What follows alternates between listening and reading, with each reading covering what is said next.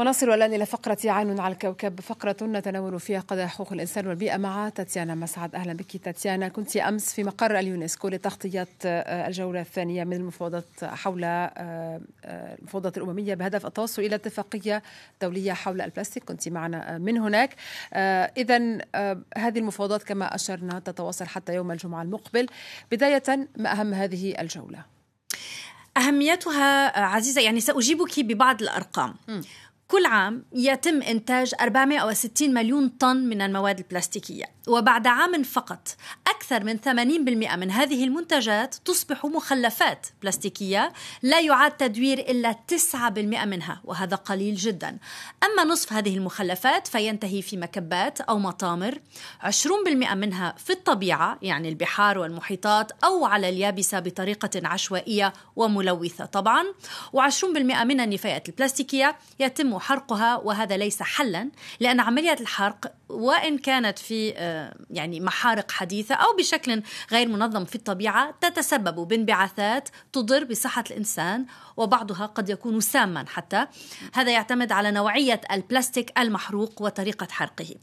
في كل دقيقة ما يوازي شاحنة من النفايات البلاستيكية ترمى في البحار والمحيطات ما يهدد التنوع البيولوجي فيها لأنها تقتل الحيوانات البحرية وبعض النباتات البحرية لأنها تحجب عنها الشمس مثلا المرجان.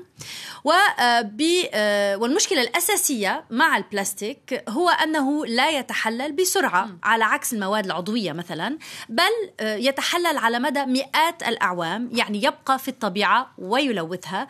كما أنه عندما يبدأ بالتحلل الجزيئات البلاستيكية تدخل في السلسلة الغذائية وصولا إلى الإنسان. بمعنى يعني وجدت تناول الأسماك نعم. هناك نوع من ربما بالفعل. جزيئات صغيرة جدا بالفعل. من البلاستيك آه، داخل هذا السمك وبالتالي يتناول الإنسان البلاستيك بالفعل. يعني وجدت هذه هذه الجزيئات مثلا في حليب الأم.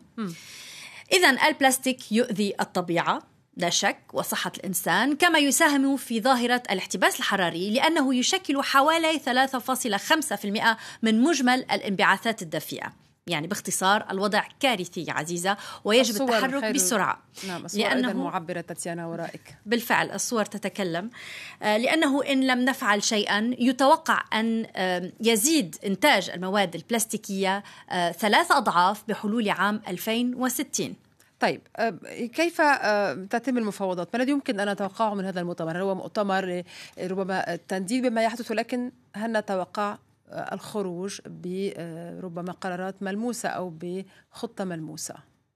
هذا ما زال يعني مبكر. للتذكير في مارس آذار من عام 2022 تم التوصل في نيروبي إلى اتفاق مبدئي لوضع حد للتلوث البلاستيكي في العالم مع طموح بإبرام معاهدة ملزمة قانونا وهذا مهم جدا بحلول نهاية عام 2024 تحت رعاية الأمم المتحدة.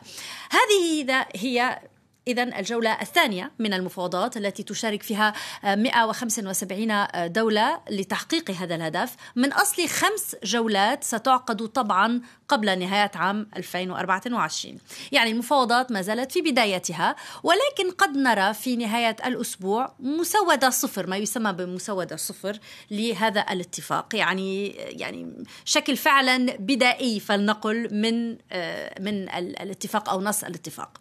قبيل المفاوضات أصدر برنامج الأمم المتحدة للبيئة تقريرا فيه توصيات حول كيفية حل مشكلة المخلفات البلاستيكية مقترحا آه، تقليل هذه المخلفات بنسبة 80% وهذا ممكن بحلول عام 2040 كما حدد ثلاثة محاور آه، تحرك رئيسية تتمثل في إعادة الاستخدام وإعادة التدوير واعتماد عمليات آه، التغليف على مواد بديلة للبلاستيك وهذا ممكن ومتاح كذلك.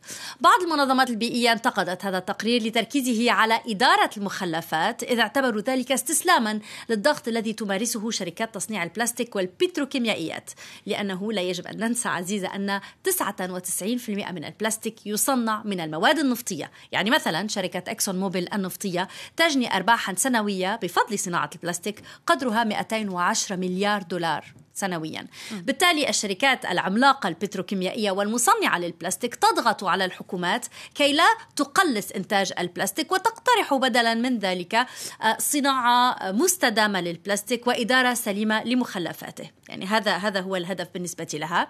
وهذا ما تضغط باتجاهه دول كالولايات المتحدة والصين والسعودية وغيرها من الدول النفطية.